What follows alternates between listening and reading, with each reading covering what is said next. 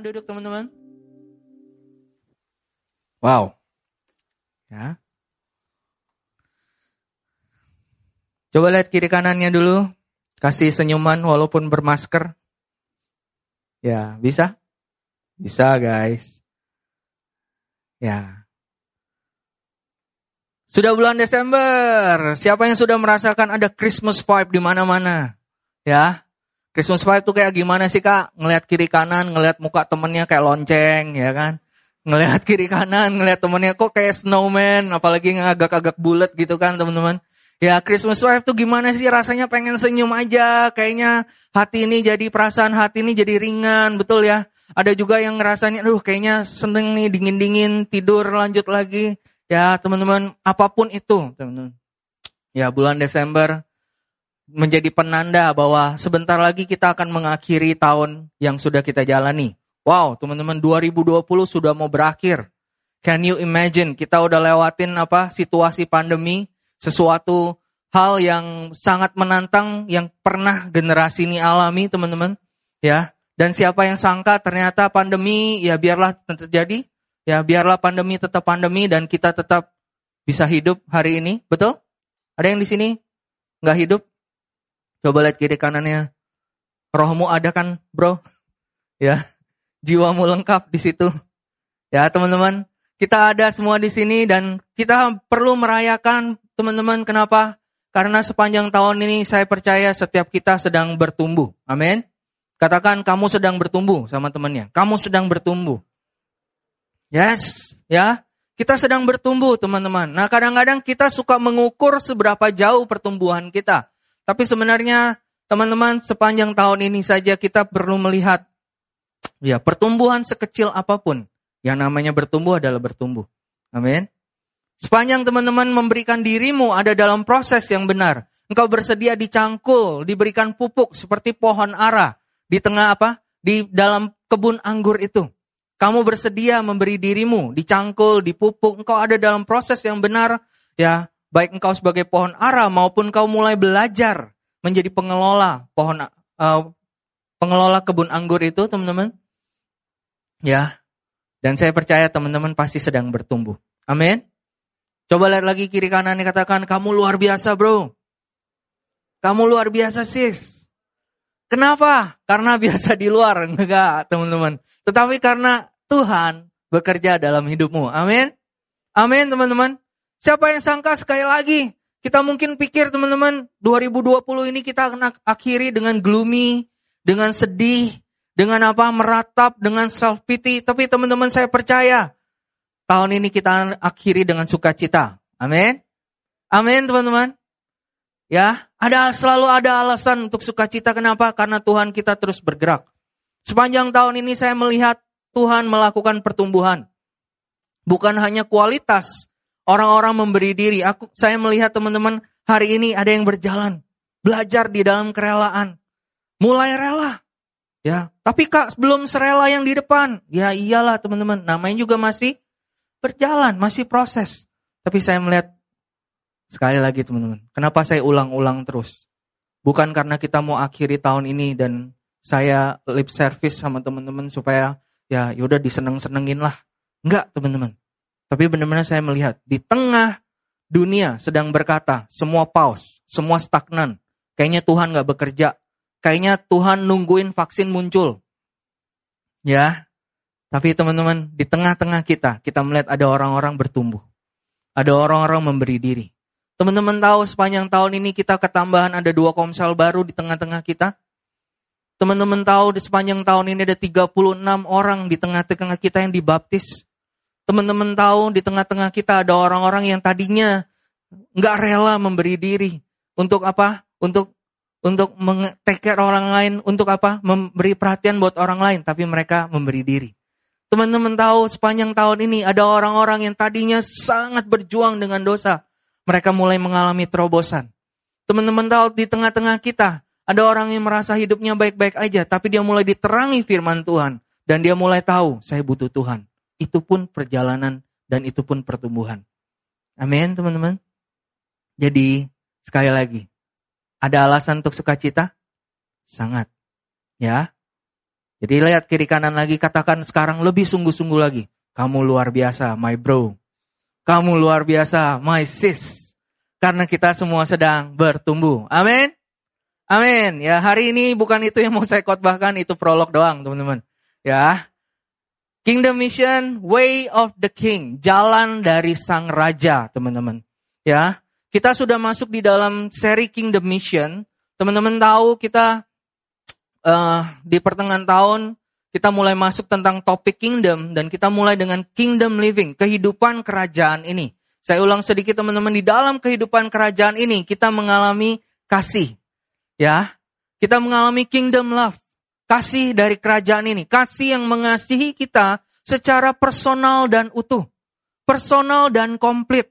Jadi teman-teman, engkau sekarang komplit di dalam kasih. Jangan berpikir dan jangan ikut kata dunia yang bilang apa kalau lu belum punya gebetan, lu belum punya pasangan, hidup lu belum komplit. Nah teman-teman itu tipu daya. Engkau komplit. Engkau lengkap di dalam Tuhan. Amin. Kenapa? Karena engkau dikasih secara utuh. Kingdom love. Ya, tidak berubah. Sekalipun kau gagal, sekalipun teman-teman Waktu engkau mencoba, maksud hatimu engkau mau memberkati orang. Maksud hatimu engkau mau menolong orang. Maksud hatimu engkau mau kontribusi. Tapi engkau masih ada salah. Engkau tetap dikasihi secara utuh dan personal. Kingdom truth. Apalagi kingdom truth ini membenarkan saya. Membenarkan saya bukan karena usaha saya, bukan karena kepandaian saya. Tetapi karena kasih karunia. Katakan kasih karunia. Kasih karunia. Ya. Jadi teman-teman di sini kita bisa menemukan seperti lagu tadi. Ternyata semua kasih karunia. Saya percaya lagu tadi begitu intimate teman-teman. Seperti pasangan yang saling memuji. Saya dengan Pebble ya. Menuju akhir tahun kita saling memuji. Pebble, saya bayangkan kalau nggak ada kamu. What will I do? Where will I be? Ya kan? Hidupku sekarang karena ada kehadiranmu, ya kan? Terus Bible bilang, enggak lah lu. Ya, ini juga gara-gara lu ada di hidup gua. Wah, asik teman-teman. Bikin baper, ya. Ya, bilang sebelahnya jangan baperan, bro. Kita mau belajar berperan, ya. Bukan baperan. Amin, teman-teman. Jadi bilang lagi, bukan baperan tapi berperan. Ya. Ya, teman-teman. Itu adalah hubungan kasih. Nah, kasih yang seperti ini, banyak orang suka pikir, Kasih karunia itu bikin orang jadi sembarangan, teman-teman. Kasih yang benar itu harusnya membawa kita semakin apa? Semakin berubah. Amin. Nah, berubahnya gimana? Tuhan juga memberikan kingdom power. Kuasa untuk melakukan panggilan. Kuasa untuk kembali melakukan original plan di dalam hidup kita, teman-teman. Ya, Coba kita baca kalimat ini sama-sama sebagai kesimpulannya, teman-teman. Satu, dua, tiga.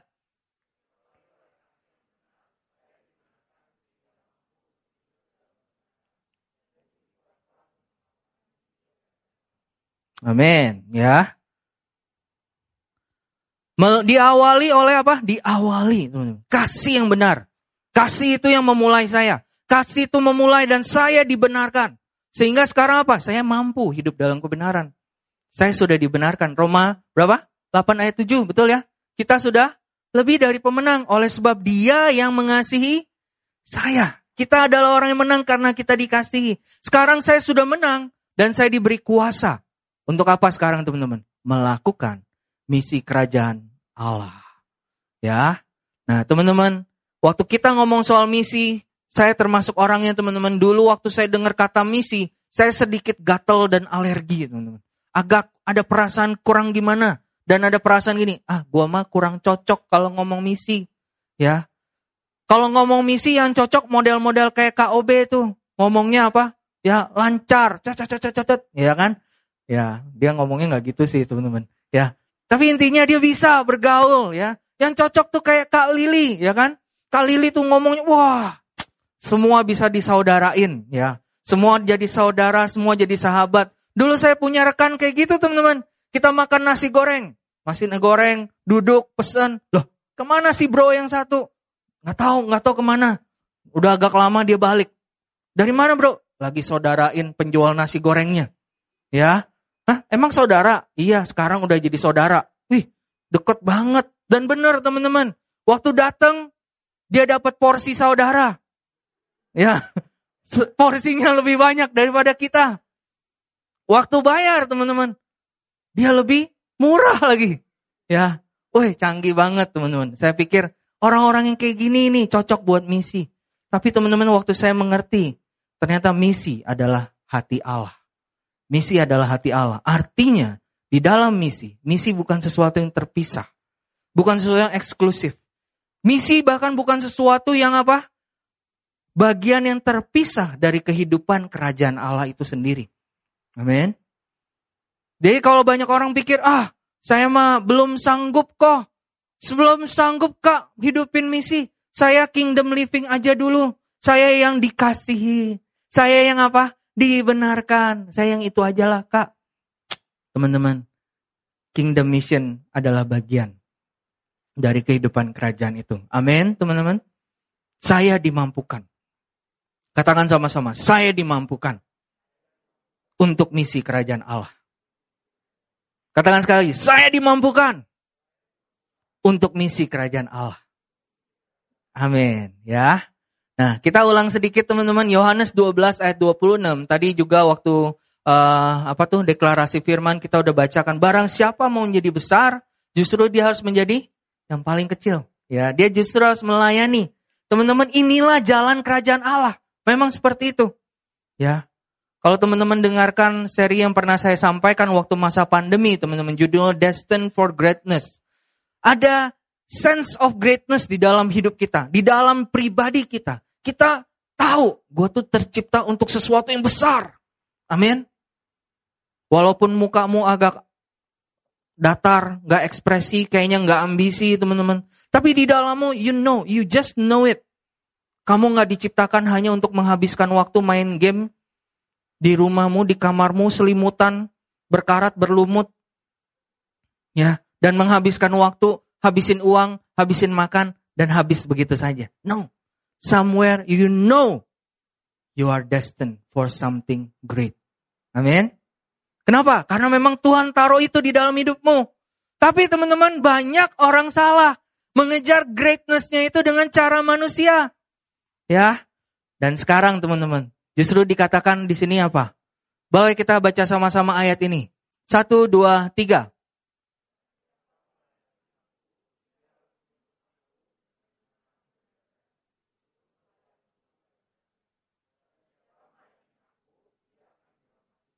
Ya. Bagaimana saya menjadi great itu teman-teman? Dengan melayani. Dan di sini mulai diteguhkan lagi teman-teman. Barang siapa melayani aku? Katanya kata melayani adalah diakoneo teman-teman. Ini kata kerjanya. Ya, ia harus mengikut aku dan di mana aku berada, di situ pun pelayan diakonos. Ya, kalau melayani itu kata kerjanya, orangnya namanya diakonosku, ya, akan berada. Barang siapa melayani aku, ia akan dihormati Bapak. Kata pelayan teman-teman. Ternyata kita adalah pelayan. Bagaimana saya menjadi yang terbesar? Dengan menjadi pelayan. Tapi pelayan yang seperti apa? Kita adalah pelayan sang raja teman-teman. Kita adalah pelayan sang raja. We are the servant of king. Kita adalah pelayan dari raja, pencipta langit dan bumi. Wow, itu keren sekali teman-teman. Nah tapi banyak orang suka berpikir, ah pelayanan ini maksudnya apa? Pelayanan itu maksudnya di gereja jadi usher. Enggak teman-teman. Tapi waktu kita mengerti kata pelayanan ini, kata pelayan. ya Kita sedang apa? Melayani kehendak sang raja kita. Banyak orang teman-teman nggak asing dengan kata pelayanan. Dan suka berpikir apa? Ah, yang namanya pelayanan mah yang penting pelayanan aja. Kalau nggak excellent, nggak gimana, ya tahulah pelayanan di gereja memang begitu. Volunteer semua. Ada yang mau melayani aja udah harusnya puji Tuhan, haleluya. Ya, nah teman-teman, dan begitu banyak sekali orang. Katanya ada dalam pelayanan. Katanya melayani Tuhan. Tetapi teman-teman sebenarnya melayaninya bukan melayani Tuhan. Tetapi melayani egonya. Melayani sesukanya dia. Melayani untuk dia pansos Melayani untuk apa? Supaya dia dilihat. Melayani untuk isi waktu. Melayani supaya apa? Supaya nggak kesepian. Wow, teman-teman. Ternyata saya bukan pelayan sang raja. Kalau engkau bukan pelayan sang raja, teman-teman, hari ini engkau butuh mengerti. Ya, saya dimampukan menjadi pelayan sang raja ini. Dan pelayan sang raja ini, teman-teman, namanya juga melayani sang raja. Boleh nggak sembarangan, teman-teman? Boleh nggak? Saya waktu berapa minggu yang lalu lihat artikel Raja Thailand, teman-teman. Begitu saktinya ini orang, orang mau mendekat aja nggak boleh berdiri, jalan menghadap dia, nggak boleh. Jalan yang ngesot, ya. Ngesotnya bukan depan lagi, ngesotnya miring, ya. Kayak kepiting gitu jalannya jadinya. Tapi ngesot, ya. Bayanginnya siput digabung sama kepiting. Ya, itu jalan yang ngesot-ngesot begitu. Kenapa teman-teman? Karena melayani sang raja ini nggak boleh sembarangan. Melayani sang raja ini perlu dengan apa? Ya, dengan hormat. Nah, teman-teman, berapa banyak dari kita, kita suka pikir, ah melayani sang raja, pelayan raja, sesuka-suka gua aja deh. Coba teman-teman, kalau kamu, kalian masuk ke dalam sebuah restoran, teman-teman pesen, saya pesen, es teh manis, sama apa? Bakso. Wah, asik banget dingin-dingin kayak gini. Makan bakso. Teh manis hangat. Wah, nggak jadi yang es. Ya seru banget teman-teman. Anget banget. Dan terus tiba-tiba datangnya teman-teman. Pelayannya bawa satu kuah. Ya, kuah bakso. Tapi warnanya coklat. Kenapa teman-teman? Habis itu ditaruh di mejanya. Nih makan. Ya, terus kita lihat ini apa? Mas, saya pesen bakso dengan teh manis anget. Ini apa? Ya ini. Ya ini. Tehnya di mana? Ya itu. Baksonya mana? Ya di situ. Kok digabung? Yang penting kan nanti juga masuk di perut sama aja. Teman-teman, apakah kamu akan makan bakso itu? Teman-teman akan datang ke restoran itu lagi? Ya. Mungkin teman-teman pelayan itu bilang apa? Yang penting kan makanannya nyampe. Yang penting kan minumannya datang. Kalau kamu rela makan, semuanya juga kecampur di dalam. Berapa banyak anak Tuhan yang katanya melayani Tuhan. Model pelayan yang kayak gitu. Ya. Melayani sang raja. Yang penting orangnya udah gue follow up. Yang penting orangnya gue udah perhatiin. Ih, bikin kesel nih orang. Ya, udah gue bayarin makan, udah gue ini, gue udah itu, ya. Nggak bisa dikatakan lagi dengan kata-kata. Mencurahkan isi hatinya aja harus pakai bahasa roh, teman-teman. Ya, kesel banget. Nah, teman-teman, itu bukan pelayan sang raja, teman-teman. Teman-teman, kalau teman-teman pergi ke sebuah tempat di mana pelayannya sudah dilatih, sudah dipersiapkan, teman-teman akan melihat sesuatu yang sangat berbeda. Amin. Ya, saya pernah masuk ke sebuah apa? Itu sebutnya apa sih? Toko ya kan. Toko brand agak mahal, teman-teman. Saya cuman window shopping di situ. Ya. Saya masuk, saya ditongkrongin. Dalam hati risi tahu gue cuman ngelihat, ya kan? Jangan ditanya-tanya, tapi dia nanya, "Bapak mau cari baju yang gimana?" Uh, mau lihat-lihat aja. Uh, kayaknya Bapak lagi mau carinya yang lengan panjang ya? Uh, ya boleh juga sih. Yang sebelah sini pak, nggak apa-apa saya lihat-lihat aja. Oh enggak, nggak apa-apa pak, saya antarkan. Bapak kayaknya cocoknya begini, gini, gini. Wah teman-teman, saya rada kesel juga. Udah deh mbak, saya mau lihat-lihat aja. Boleh nggak saya ditinggalin dulu? Oh begitu ya pak. Oke nanti kalau sa kalau bapak butuh saya, saya sebelah sana ya pak. Nama saya ini bisa panggil saya langsung. Wow teman-teman, itu namanya pelayan top.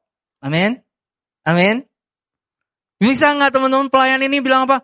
Iyalah lu emang lihat-lihat doang, gue tahu model kayak lu nggak bakal beli. Ya. Nah, cuma kita banyak pelayan sang raja kayak gitu. Ah, gue tahu nih, model kayak gini nih. Datang ke gereja, pasti cuma cari pacar. Ya. Amin, teman-teman. Yang ketawa pelepasan. ya. Karena hatinya dikenali. Nggak, amin. Kamu dikasihi, teman-teman. Teman mau cari pacar di sini juga nggak apa-apa, teman-teman. Wih, beneran nih, pasti ada tapinya. Nggak ada, nggak ada tapinya teman-teman. Ya, nggak apa-apa kok teman-teman. Saya senang kalau teman-teman apa bisa jadian sesama, ya. Teman-teman ada di dalam penemanan. Wah, saya sangat bersuka cita. Daripada kamu jalan gelap-gelapan teman-teman, berdua eksklusif, nggak ketahuan siapa-siapa. Nah itu lebih bahaya. Coba lihat sebelah kiri kanannya. Katakan, saya sangat dikasihi. Ya, lagi nunggu-nunggu, pasti kolong habis ini tapi deh. Tapi, tapi, tapi. Ya, saya tahu hati kalian, teman-teman. Kalian sangat dikasih. Amin. Kita adalah pelayan sang raja, teman-teman. Saya adalah pelayan sang raja. Saya mau, saya dimampukan. Untuk apa? Saya melakukan kehendak raja saya. Bahkan diteguhkan di ayat ini teman-teman 1 Yohanes 2 ayat 6. Barang siapa mengatakan bahwa ia ada di dalam dia, ya, ia itu ia kecil wajib hidup sama seperti Kristus telah hidup. Nah, teman-teman, saya adalah pelayan sang raja. Bagaimana saya melayani? Yesus kasih teladannya. Dibilang apa? Bahwa siapa yang berkata, aku ada dalam Kristus. Saya wajib hidup sama seperti Kristus telah hidup. Nah ini maksudnya bukan ini teman-teman. Bukan, oh wajib hidup sama seperti Kristus. Amin kak. Nggak mau potong rambut, rambutnya dipanjangin, ya, dibikin brewok-brewok, ya, yang cewek susah dong teman-teman, ya, dibikin apa jenggotan, habis itu apa, pakai jubah, jalan ke mana-mana, ya kan, habis itu apa? Ngelihat air, jadilah anggur, asik teman-teman, habis itu apa wine party, teman-teman nggak seperti itu, ya, nggak seperti itu, wajib hidup sama seperti Kristus, maksudnya kualitas kehidupannya kehidupannya seperti kehidupan Kristus. Amin. Ya. Nah, bagaimana saya melayani sang raja? Ini teman-teman, kita baca sama-sama yuk. Satu, dua, tiga. Oke, kita ulang lagi. Kaget ya teman-teman. Yuk, satu, dua, tiga.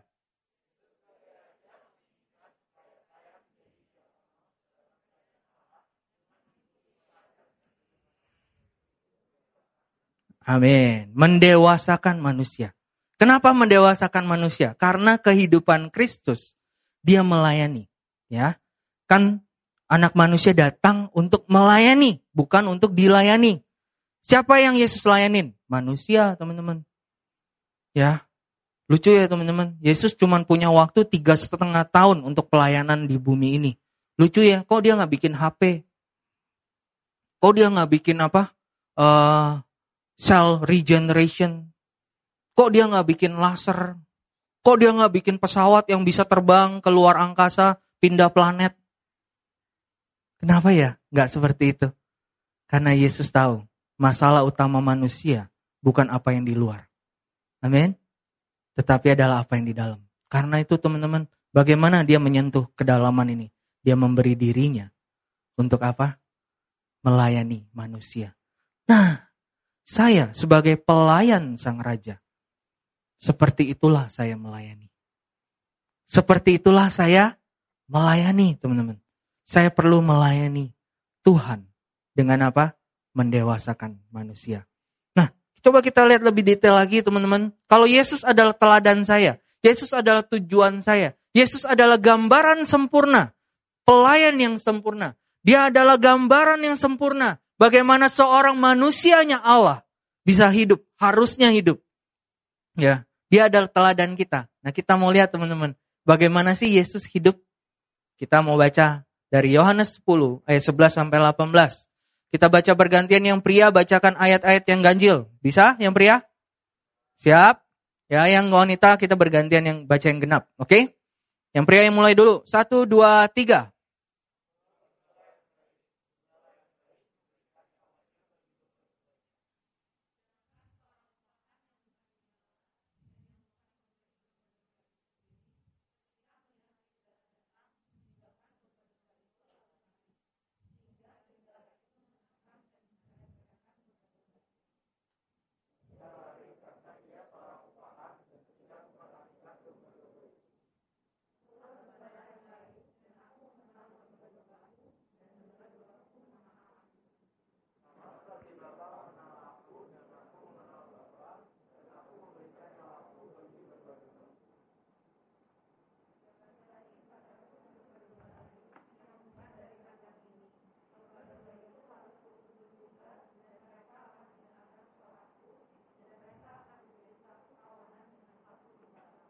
Bapa mengasihi aku oleh karena aku memberikan nyawaku untuk menerimanya kembali.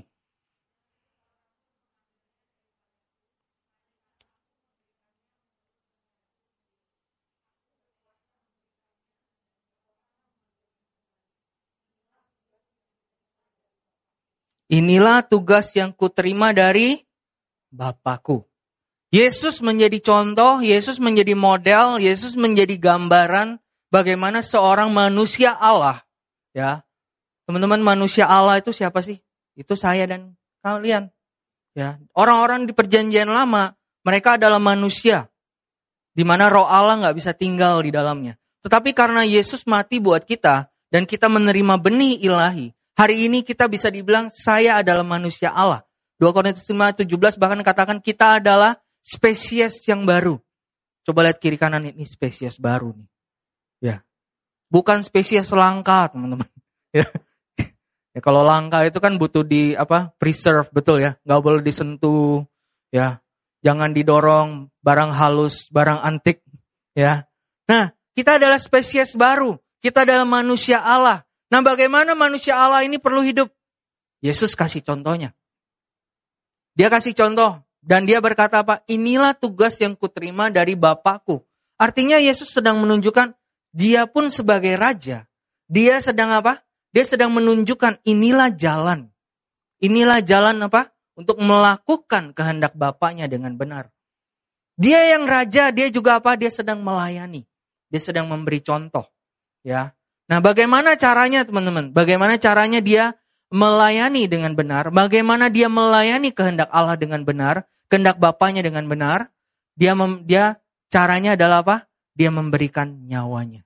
Dia memberikan hidupnya. Dia menyerahkan dirinya demi kehendak Bapak itu bisa terjadi. Di sini bahkan dikatakan apa Bapak mengasihi aku kalau karena aku memberikan nyawaku untuk menerimanya kembali. Tidak seorang pun. Tidak seorang pun. Yesus itu mati karena dia willingly, teman-teman. Dia rela. Nggak ada yang bisa membunuh dia. Teman-teman, waktu lambungnya ditusuk, teman-teman, yang keluar itu air. Artinya tidak ada satu tetes darah pun di dalam tubuhnya. Bayangin, bisa nggak manusia hidup dengan tanpa satu tetes darah pun? Yesus bisa.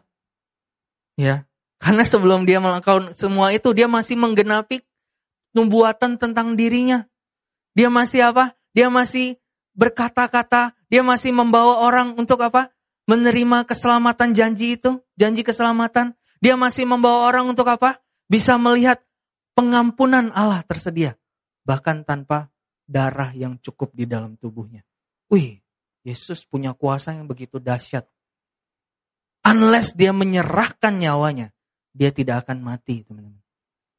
Ya, Sebegitu dahsyatnya Yesus. Teman-teman mau saingan sama Yesus. Hari-hari ini saya melihat banyak orang saingan sama Yesus. Yesus menyerahkan dirinya. Tapi kita menyerahkan dirinya nggak mau. Nggak mau, nggak mau, nggak mau terus teman-teman. Ya. Nah bagaimana saya melakukan kehendak Bapa dengan benar? Melalui penyerahan diri saya. Yuk kita baca kalimat ini sama-sama yuk. Satu, dua, tiga.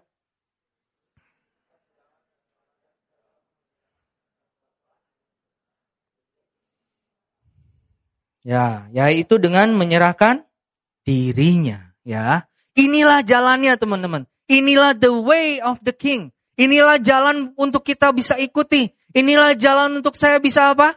Bisa kembali kepada maksud dan tujuannya Allah, teman-teman. Inilah teladan yang Tuhan Yesus tunjukkan waktu dia berkata, "Akulah jalan kepada Bapa." Ya. Dia satu sisi dialah jalan dan dia menjadi yang penunjuk jalannya. Dia tunjukkan ini loh manusia Allah untuk kembali. Saya perlu masuk dalam jalan ini. Bagaimana saya belajar following the way of the king? Yang pertama teman-teman, ya kita mulai mengambil peranan, ya. Kan tadi apa katanya? Bukan baperan tapi berperan, ya kan? Nah, sekarang kita melihat teman-teman, akulah gembala yang baik. Aku ini siapa? Aku ini siapa? Yesus. Tapi dia mengatakan ini sebagai teladan buat kita. Jadi hari ini aku di sini adalah sebuah contoh, sebuah model, sebuah teladan. Sebuah apa? Sebuah pattern untuk saya bisa ikuti. Dan sekarang kita bisa berkata, ternyata sekarang aku, saya adalah gembala yang baik. Saya adalah gembala yang baik itu. Ya. Gembala yang baik memberikan nyawanya bagi domba-dombanya. Akulah gembala yang baik dan aku mengenal domba-dombaku dan domba-dombaku mengenal aku. Ih, Kak, jadi gembala. Kayaknya nggak cocok deh, Kak. Modal yang kayak gue gini, jadi gembala kayaknya nggak pas. Gembala itu kan biasa perutnya agak tambun, ya. Habis itu apalagi? Ya, orangnya agak sabar, ya, seneng senyum terus. Kalau bisa ketawa. Nah, teman-teman agak salah gambarannya. Gendut, botak, senyum terus. Itu bukan gembala, teman-teman. Itu sesembahan nggak tahu yang mana. Ya, yang tahu ketawa, yang nggak tahu apaan sih itu, ya. Yang pasti bukan jin Aladin, teman-teman.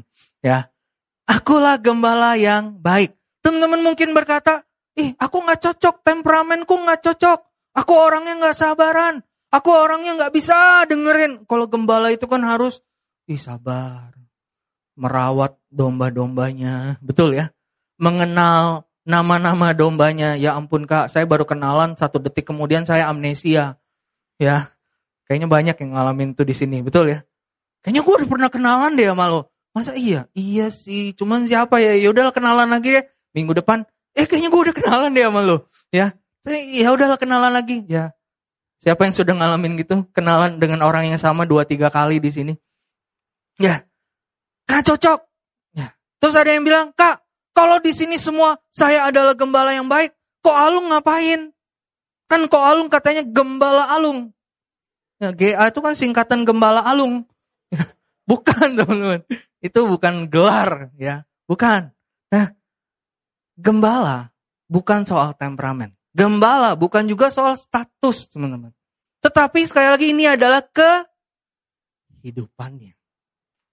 Bagaimana saya meneladani kehidupan Yesus? Saya mulai belajar, saya mau jadi pelayan, saya mau menjadi diakonos. Caranya diakonos ini apa? Saya mulai melihat diri saya, saya adalah gembala. Dan bukan hanya gembala yang asal-asalan, tapi gembala yang yang gembala yang apa teman-teman? Gembala yang baik teman-teman. Ya.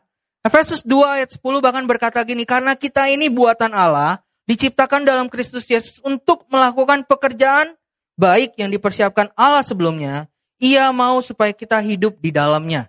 Teman-teman kembali lagi kita diciptakan di dalam Kristus Yesus. Kita ini made by God, kita ini dibuat oleh Allah. Nah kalau Allah yang membuat kita, buat apa? Tujuannya harusnya dari Allah, betul? Kita didesain untuk sesuatu yang ada di dalam hati Allah. Jadi teman-teman hari ini kita butuh mengerti. Saya ternyata didesain untuk apa? Menjadi gembala yang baik. Banyak orang melihat Efesus 2 ayat 10 dan lihatnya pekerjaan baik. Oh pekerjaan baik ini apa ya? Pekerjaan yang membayar dengan baik. Pekerjaan baik ini pekerjaan yang memberi upah dengan baik. Pekerjaan yang baik ini adalah apa? Pekerjaan yang memberi nama baik. Ya, bukan itu teman-teman. Apalah artinya teman-teman jadi bisnismen terkemuka, ya, mukanya di mana-mana. Tapi teman-teman, hartamu juga nggak bisa dibawa ke surga. What's the use? Apalah artinya? Tuhan adalah pencipta langit dan bumi. Sekalipun teman-teman memiliki emas seluruh dunia, buat Tuhan Yesus, ya bro, itu cuma jadi aspal di rumah gua. Bukan di rumah dia lagi, di jalanan, ya kan? Nah teman-teman, what's the use? Nah teman-teman, saya didesain untuk ini. Saya diciptakan untuk ini. Artinya kalau saya melenceng dari tujuan ini, saya melenceng dari desain ini, teman-teman. Ya, Berarti saya keluar dari maksud penciptaan saya. Ya. Kalau keluar dari maksud penciptaan itu namanya dilecehkan, teman-teman. Misalnya mic ini diciptakan untuk apa? Mic ini diciptakan untuk apa, teman-teman? Untuk menangkap suaranya dulu, betul ya? Nanti yang kerasin tuh yang di speaker, teman-teman, di mixer itu. Dia menangkap suara. Tapi bisa nggak saya pakai ini untuk bangunin orang yang lagi ngantuk, lagi mengamin-amin begitu. Lempar begitu teman-teman. Bisa teman-teman? Wah bisa. Bisa nggak saya pakai ini untuk ngulek cabe?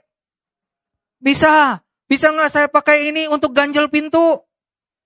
Bisa nggak saya pakai ini buat garuk punggung? Bisa, bisa ya. Tapi kalau saya lakukan, saya pakai ini untuk itu, itu namanya pelecehan. Mik ini dilecehkan. Betul ya? Kalau mik ini bisa teriak, saya dilecehkan. Ya. Nah teman-teman hidupmu, kalau engkau keluar dari desainnya Allah, sebenarnya engkau sedang ya dilecehkan dari tujuan penciptaanmu. Saya adalah gembala yang baik. Nah sekarang mulai lihat, amin. Coba lihat kiri kanannya. Saya gembala yang baik. Ya. Kak, saya aja butuh digembalain. Enggak apa-apa, teman-teman. Ini bicara kehidupan. Amin. Nah, kita sedang berjalan ke arah sana. Ya. Di sini dikatakan, akulah gembala yang baik. Bahkan 1 Petrus 5 ayat 2 sampai 3 katakan gembalakan kawanan domba Allah yang ada padamu, jangan dengan paksa, tetapi dengan sukarela. Dengan apa? Sukarela, teman-teman. Sesuai dengan kehendak Allah dan jangan karena mau mencari keuntungan, tetapi dengan pengabdian diri. Ya, pengabdian diri. Nggak mungkin teman-teman bisa mengabdikan diri tanpa teman-teman menyerahkan dirimu. Tanpa teman-teman mengikuti jalannya sang raja itu. Janganlah kamu berbuat seolah-olah kamu mau memerintah atas mereka yang dipercayakan kepadamu, tetapi hendaklah kamu jadi teladan bagi kawanan domba itu. Nah teman-teman, hari ini mulai lihat dirimu. Aku adalah gembala. Siapa yang saya gembalakan kak? Banyak teman-teman. Banyak. Lihat hidupmu. Mungkin kau gembalakan adikmu. Mungkin kau gembalakan keluargamu. Mungkin kau menggembalakan orang tuamu. Wih, kurang ajar amat kak. Saya menggembalakan orang tua saya. Teman-teman, why not? Mereka juga domba dan anaknya Allah, betul? Ya. Nah, sekitarmu itu adalah domba-domba. Engkau adalah gembala. Dan bahkan gak usah terlalu pusing sama dombanya. Maksudnya gini, gak usah pusing siapa dombanya. Tetapi engkau perlu punya kehidupan seorang gembala. Amin. Ya, seorang gembala menggembalakan dengan sukarela. Nah, di sini dikatakan gembala yang baik ini adalah kata baik itu adalah kalos. Ya. Baik ini gembala baik ini bukan berarti dia gampang tersenyum, dijepret nggak marah, dicubit nggak marah, dibully nggak apa-apa. Bukan itu teman-teman, ya. Itu Mr. Nice Guy. Enggak seperti itu. Gembala yang baik ini kalos ini artinya apa? Luar biasa. Terpuji. Cocok, betul ya? Sesuai ekspektasi bahkan lebih. Beyond expectation. Nah teman-teman, saya waktu saya melayani, apakah saya menjadi gembala yang kalos itu? Seperti pelayan yang tadi saya cerita, teman-teman. Itu kalos nggak, teman-teman? Teh manis, dan kuah bakso. Ya, itu namanya inkalos. Ya, nggak tahu lah teman-teman. Ankalos. Sama sekali nggak baik teman-teman. Nah hari ini saya bersedia nggak untuk ekstra? Saya bersedia nggak untuk apa? Untuk melakukan sesuai dengan apa yang Tuhan mau. Saya adalah gembala yang baik itu. Nah mulai ambil peranan teman-teman. Mulai melihat dirimu seperti itu. Ya. Amin. Ya. Saya adalah gembala yang baik. Katakan lagi buat dirimu teman-teman. Saya adalah gembala yang baik. Saya adalah gembala yang baik. Amin. Inilah jalannya kita teman-teman. Yang kedua. Ya. Gembala yang baik ini apa? Ya, bagaimana saya following the way of the king? Jalan sang raja yang kedua adalah apa? Melihat diri saya bukan orang upahan, tetapi anak Dikatakan di ayat 12 gini, sedangkan seorang upahan yang bukan gembala dan yang bukan pemilik domba-domba itu sendiri, ketika melihat serigala datang meninggalkan domba-domba itu lari, ya. Sehingga serigala itu menerkam dan mencerai beraikan domba-domba itu. Ia lari karena ia seorang upahan dan tidak memperhatikan domba-domba itu. Nah teman-teman, um, the way of the king, jalan dari sang raja ini, ya bagaimana dia melayani, yang pertama dia melihat dirinya sebagai gembala yang baik. Ya, sebagai gembala yang baik, dia melihat dirinya bukan orang upahan. Ya. Orang upahan. Kalau teman-teman lihat orang upahan dia apa? Dia akan lari waktu ada masalah. Dia akan lari waktu apa? Ada ancaman, betul? Ini ayat ini di dalam Yohanes 10. Di awalnya Yohanes 10 ayat 10 adalah apa? Pencuri datang, mencuri, membunuh, dan membinasakan. Nah teman-teman kita punya musuh. Dan musuh itu selalu mau mencuri. Nah teman-teman hari ini, apakah saya lari waktu ada masalah? Apakah saya lari dari panggilan Tuhan waktu masalah berdatangan di dalam hidup saya? Apakah saya mulai lari waktu nggak enak? Bahkan ayat yang dibilang apa? Minggu lalu Kapebel sampaikan. Minggu lalu ya benar ya? Ya. Kalau demikian, apakah upaku? Upaku ialah ini, bahwa aku boleh memberitakan Injil tanpa tanpa kalau beritain Injil tanpa upah, kerja tanpa upah, namanya itu rugi, betul ya? Dan bahwa aku tidak mempergunakan hakku sebagai pemberita Injil. Teman-teman, hari ini teman-teman, coba lihat dirimu. Engkau adalah orang upahan bukan? Orang upahan. Orang yang mentalnya upahan, teman-teman. Biasanya orang ini apa? Orangnya ngiri. Tahu ngiri? Jalannya ke kiri terus, ya. Ngiri. Ya. Irian. Ya, asalnya dari Irian Jaya. Ya bukan juga, teman-teman. Maksudnya orangnya iri. Dia nggak suka kalau orang lain lebih baik daripada dia. Betul ya? Dia iri. Ih, kok dia dapat promosi? Ya. Orang yang mentalnya upahan, teman-teman. Hitung-hitungannya jago. Kalau orang Cina bilang simpuanya jago lah. Ya, tahu simpua? Itu tuh kak, sim, udah nggak usah. simpua. Itu kalkulator orang Cina teman-teman ya. Wih, simpuanya jago, hitung-hitungannya mantep teman-teman. Hitung-hitungan apa? Hitung-hitungan jasa teman-teman. Ih, hitung-hitungan. Wih, gue kerja 10 jam, dia kerja 8 jam. Ya, Gue kerja 24 hari non-stop. Wis gile bener ya kan. Sedangkan dia iya elah dia kerjanya datang datang apa udah terlambat. Habis itu apa nonton dulu YouTube. Habis itu buka sosmed, selfie, jam 11 baru mulai kerja. Ya ampun ini orang, dia hitung-hitung, hitung-hitung, hitung ya. Habis itu lihat, ih kok gaji dia lebih gede. Ih, handphonenya kok ganti terus. Wih, dapat gebetan. Gue nggak dapet gebetan. Kenapa? Karena handphone gue jadul. Nggak ada hubungannya teman-teman. Ya. Tapi teman-teman, hitung-hitungannya jago. Orang yang mentalnya upahan apalagi teman-teman. Dia suka memperbandingkan dirinya. Sibuk sama benar salah. Sibuk siapa yang lebih baik, siapa yang lebih buruk. Sibuk. Tahu sibuk. Sibuk itu bukan yang di luar doang. Tapi yang di dalam. Ada orang mukanya nggak kenapa-kenapa, diem, bengong gitu. Di dalamnya peperangan. Masuk ke dalam, wah saingan kayak Mobile Legend teman-teman. Ya, keluarin magic, jedar, jedar, jedar, jedar. Di dalam teman-teman. Di luar diem aja. Ya, sibuk di dalam pikirannya. Ih, tuh orang kok rambutnya kayak gitu ya. Hari begini, miringnya kok ke kanan. Harusnya ke kiri. Apa hubungannya, teman-teman? Ih, orang itu kok ngomongnya kayak gitu ya? Kita ini kan harusnya saling mengasihi. Kok natap orang sinis kayak gitu? Harusnya kayak gua dong. Gua mukanya aja membawa kasih karunia. Asik. Coba lihat kiri kanannya, bawa kasih karunia teman-teman. Ya. Nah kayak gitu dong, cocok ya teman-teman. Ya muka gua bawa kasih karunia kak. Ya. Nah teman-teman, sibuk bandingin diri sana sini. Hitung-hitungan. Orang upahan. Tahu orang upahan? Dia mengharapin upahan. Dia harapin sesuai dengan hasil kerjanya dia. Betul teman-teman? Makanya marah. Kalau upahnya nggak cocok. Makanya marah. Waktu apa? Ih, gue udah ngelakuin segini buat Tuhan. Tuhan, aku udah mengabdi. Aku abdi yang paling dalam. Dalam sakit hatinya, teman-teman. Aku udah, wah mengabdi, mengabdi, mengabdi.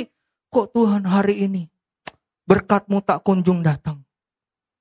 Mungkin ada penghalang di langit. Aku ber, perlu berdoa syafaat, langit berubah dari tembaga. Wah. Maksudnya apa sih kak? Ya itu ada bahasa yang lain lah teman-teman. Ya. Kita menantikan upah. Orang upahan selalu hitung-hitungan. Orang upahan selalu marah. Selalu marah waktu nggak seperti yang dia harapin. Kenapa? Yang dia harapkan selalu adalah upah lahiriah teman-teman. Kenapa perbandingan itu selalu lahiriah? Dia lebih baik, gue lebih buruk. Gue yang lebih baik, dia yang lebih buruk. Sibuk banget teman-teman. Sehingga kita nggak bisa lihat kasih karunia. Teman, engkau bukan orang upahan. Tapi engkau apa teman-teman? Engkau anak. Bilang sebelahnya kamu anak. Ih bukannya tadi gembala kak. Yang kamu anak gembala. Ya. Kalau kamu anak gembala, kamu gedein jadi apa? Ya gembala. Cocok dong ya teman-teman. Ya. Kalau engkau anak gembala teman-teman. Engkau maksudnya apa sih kak? Bedanya apa orang upahan dan anak? Teman-teman, kalau orang upahan bekerja sesuai dengan upah yang dia harapkan. Tapi kalau namanya anak, dia itu ahli waris. Dia itu ahli waris. Ini itu punya bapak gua. Waktu gua ngerjain ini, gua nggak akan pernah rugi sebenarnya. Amin teman-teman. Waktu engkau mengasihi orang lain, engkau mengampuni orang lain, engkau melepaskan hakmu, engkau belajar. Tidak mengambil untung dari hidup dia teman-teman. Ya, tahu nggak ambil untung dari orang-orang yang kau layani. Berapa banyak orang gembala, PKS, PKS, pemurid-pemurid, ya, anggota komsel. Kamu pengen untung dari orang-orang yang kamu sentuh. Ya. Anggota komsel memang gimana kak? Anggota komsel juga sama. Mau untung dari PKS-nya. Kak, tahu nggak sih kak? Sadar dong kak. Coba lihat absensi komsel sepanjang tahun hamba yang setia. Saya nggak pernah absen komsel sekalipun. Bahkan nggak ada komsel pun saya yang datang. Wow, itu namanya mau cari untung teman-teman. Untung kok dicari ya. Kamu adalah ahli waris. Waktu engkau menjadi gembala, waktu engkau membangun orang, waktu engkau apa menjadi orang yang setia, Waktu engkau melakukan kehendak Allah, waktu engkau menjadi diakonos, teman-teman. Sekalipun waktu engkau melayani, engkau nggak nggak dapat keuntungan. PKS PKS, amin. Wah ngerasa teman-teman tahu derita PKS. Ya, saya juga pernah jadi PKS dan saya nikahi anggota komsel saya. Wih asik, pagar makan tanaman, ya. Mau ikutin teladan saya jadi PKS, tuh tuh kan, ya kan. Jadi PKS buat cari jodoh. Enggak, enggak gitu teman-teman. Dulu saya juga maksudnya enggak ke arah sana. Tapi maksudnya teman-teman saya juga pernah jadi PKS. Zaman saya dulu belum ada chatting. Pakainya apa? ICQ. Apaan tuh kak? ya, yang tahu tahu. Berarti kita seusia. Ya, IRC, ya kan? Ya, pakai gitu. SMS dibikin apa? Pakai apa tuh? Digambar-gambar gitulah teman-teman. Ya, kurung, titik, kurung jadi mata gambarnya ya kan. Terus dikasih ini lagi, spasi lagi. Jadinya beruang teman-teman. Terus dikirimin. Good night ya. Ya asik teman-teman. Nah yang model-model kayak gitu. Dulu teman-teman tahu nggak SMS satu, satu kali SMS. No go. No go rupiah teman-teman. Melayang. Isi pulsa zaman dulu. Wih mahal banget. Tapi tahu nggak teman-teman. PKS ini.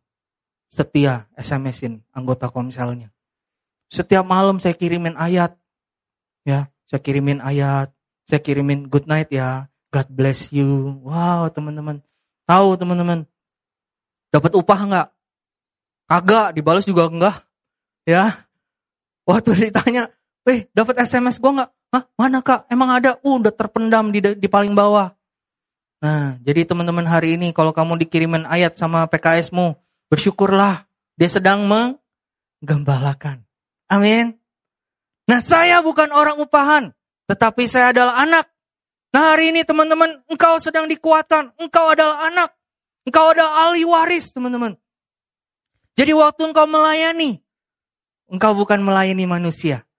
Engkau melayani, engkau memberi yang terbaik, engkau menghidupi kehidupan gembala. Tetapi engkau nggak dapat upah secara, secara lahiriah. Harusnya engkau justru bersuka cita. Kenapa? Karena kamu bukan orang upahan. Kalau engkau marah itu artinya engkau juga lagi melihat dirimu sebagai upahan.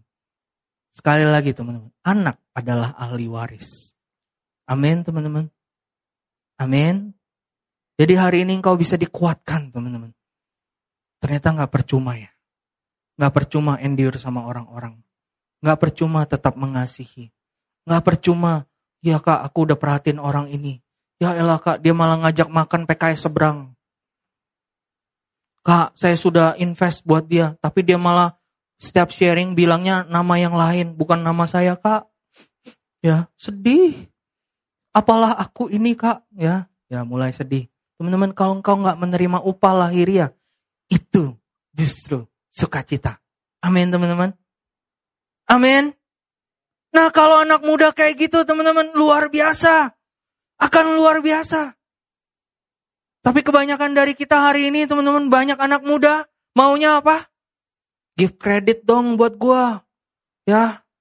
Kasih sedikit kayak cendol. Ya elah itu zaman kaskus. Gak ada yang tahu di sini. Jadul gua jadul. Ya. Beneran gak ada yang tahu ya? Oh ya udah deh, nggak usah dipakai lagi. Ya. Yang udah nggak usah cerita juga. Oke. Okay. Ya teman-teman. Ya kita banyak kan, come on, give me credit. Sebutlah. Ya, gue udah capek khotbah di sini. Lu foto kayak dikit, posting kayak di sosmed. Nggak, saya nggak lagi ngomong tentang saya teman-teman. Beneran nggak? Kan tadi udah dilarang, nggak boleh foto juga. Ya, tapi teman-teman, berapa banyak dari kita we want to take credit. Coba engkau lihat bagaimana kamu sharing kepada orang lain. Sering nggak ngomongin tentang apa yang gue lakuin? Tahu nggak jasa gue udah begini? Wih, komsel ini hidup gara-gara gue, tahu? Gue ini kayak AC-nya. Kalau gue nggak datang orang kepanasan gerah. Gue yang bikin adem. Asik, ya kan? Untung AC ya kan bikin adem. Coba pemanas. Ya, meledak itu komsel. Nah teman-teman, saya bukan orang upahan. Katakan sama-sama, saya bukan orang upahan. Saya adalah anak. Saya adalah ahli waris. Saya menggembalakan. Tanpa menerima upah. Saya justru bersuka cita. Karena saya ahli waris. Saya sedang mengerjakan bisnis bapak saya. Wow, teman-teman. Itulah seorang gembala yang baik. Amin. Yang ketiga, teman-teman. Following the way of the king. Ya.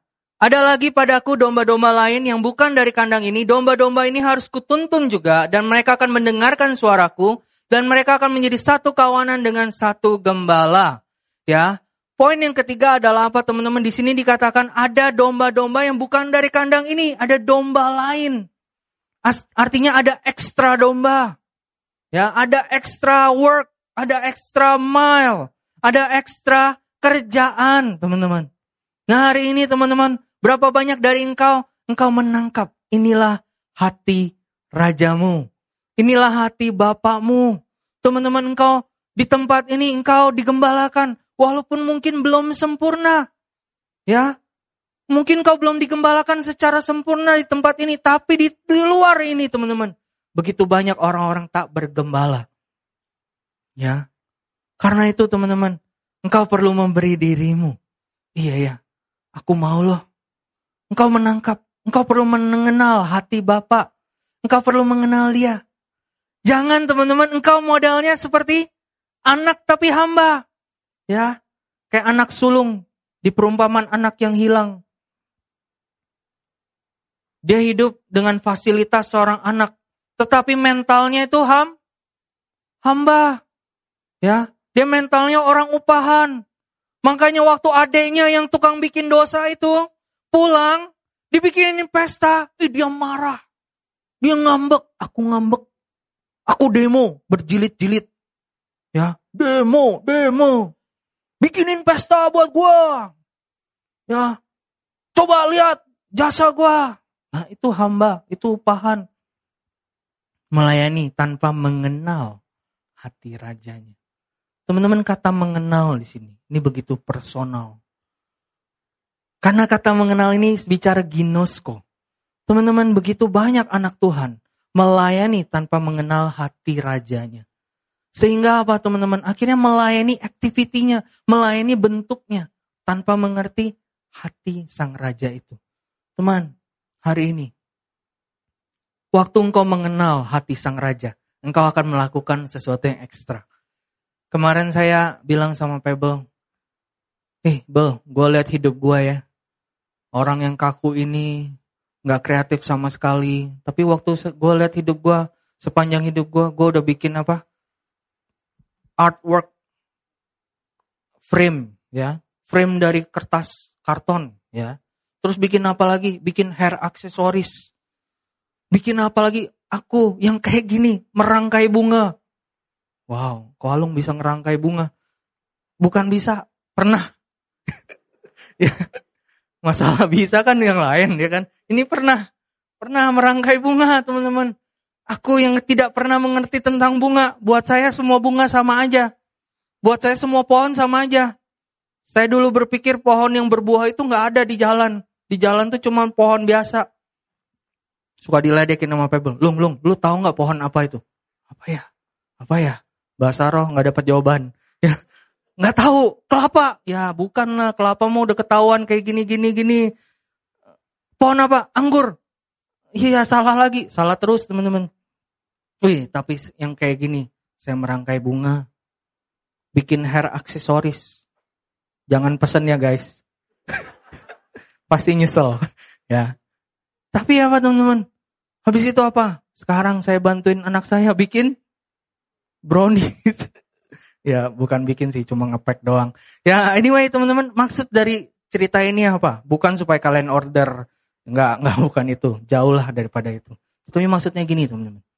Pengenalan membuat saya rela ekstra. Itu yang saya mau sampaikan. Teman-teman sebanyak dari kita suka dibatasi oleh pikiran kita tentang diri kita. Betul?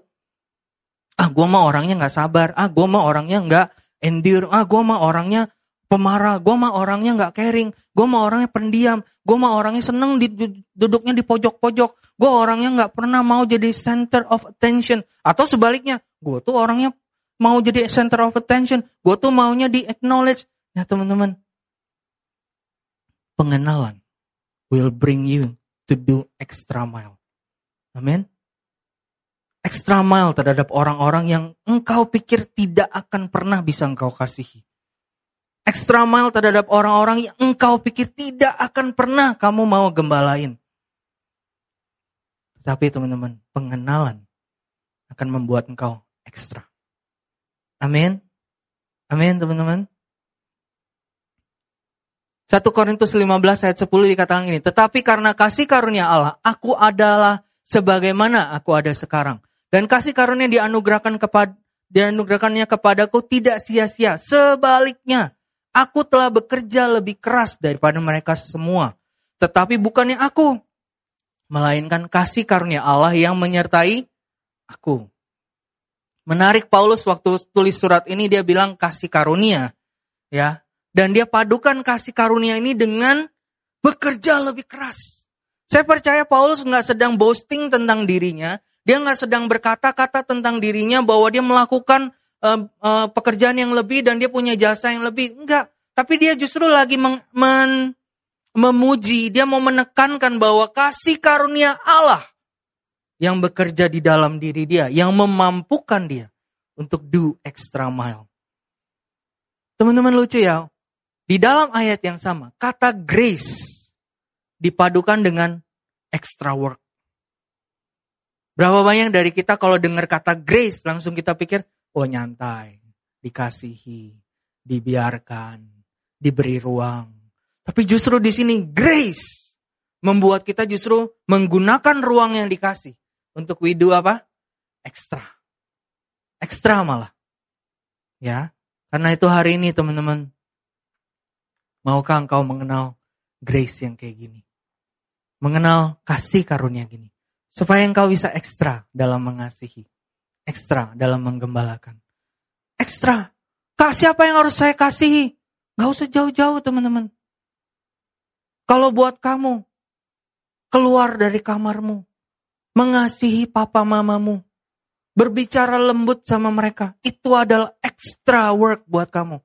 Do it karena engkau mengasihi. Do it karena based on pengenalan akan kasih karunia itu. Teman-teman saya melayani anak muda, Hampir 100% anak muda punya masalah sama orang tua. Betul? Kalau teman-teman cerita, kak, orang tua gue begini, orang tua gini. Ya saya tahu, saya mengerti teman-teman. Memang orang tua kita nggak sempurna. Tapi kan kita mau jadi generasi yang berbeda. Kalau orang tuamu berubah, puji Tuhan, haleluya, luar biasa teman-teman. Tapi seandainya mereka nggak berubah, tetapi yang berubah adalah engkau. Dan engkau mulai mengasihi mereka, engkau mulai menggembalakan mereka, engkau mulai menyatakan kasih, engkau mulai menyatakan kebenaran, engkau do extra. Karena pengenalanmu akan kasih ini. Bukankah itu adalah the way of the king? Amin teman-teman. Saya mau tutup dengan statement ini sama-sama. Yuk kita baca yuk sama-sama. Satu, dua, tiga.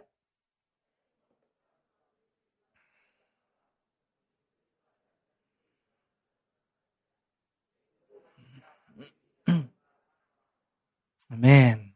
Ya. Sekali lagi teman-teman. Menggembalakan orang-orang. Bukan bicara status. Bukan bicara temperamen. Bukan bicara tentang kegiatan. Tapi ini bicara tentang kehidupan. Hari ini mungkin kau berkata, Kak, boro-boro menggembalakan orang. Aku nih dombanya. It's okay guys. Ya, tapi engkau nggak berhenti di situ. Kau mulai belajar. Kau sedang belajar. Kak, boro-boro aku jadi gembala yang kalos. It's okay guys. Gak ada yang tiba-tiba. Gak ada yang tiba-tiba jadi gembala yang luar biasa. Yang sedang bicara ini pun di depan saya nggak melihat diri saya gembala yang kalos. Saya masih melihat dengan iman. Tetapi dengan pernyataannya saya masih butuh waktu. Saya masih butuh ruang untuk menyatakan itu. Amin teman-teman. Hari ini, this is the way of the king. Untuk inilah engkau didesain. Untuk kau mengikut sang raja. Yesus memberi teladan. Bagaimana kita perlu hidup teman-teman. Hari ini mau nggak teman-teman ikuti jalan ini? Atau engkau suka berkata, nggak mau kak, aku mau hidupin hidupku dengan caraku sendiri. Aku mau mengejar tujuanku, mimpiku, pekerjaan baik menurutku. Teman-teman, atau hari ini engkau berkata, you're convicted in your heart, and you say, Tuhan, walaupun aku belum jelas-jelas amat, tapi aku mau. Aku mau menyerahkan hidupku. I want to follow you. You are the king. I want to follow you. Is this the way? If this is the way, I want to follow the way.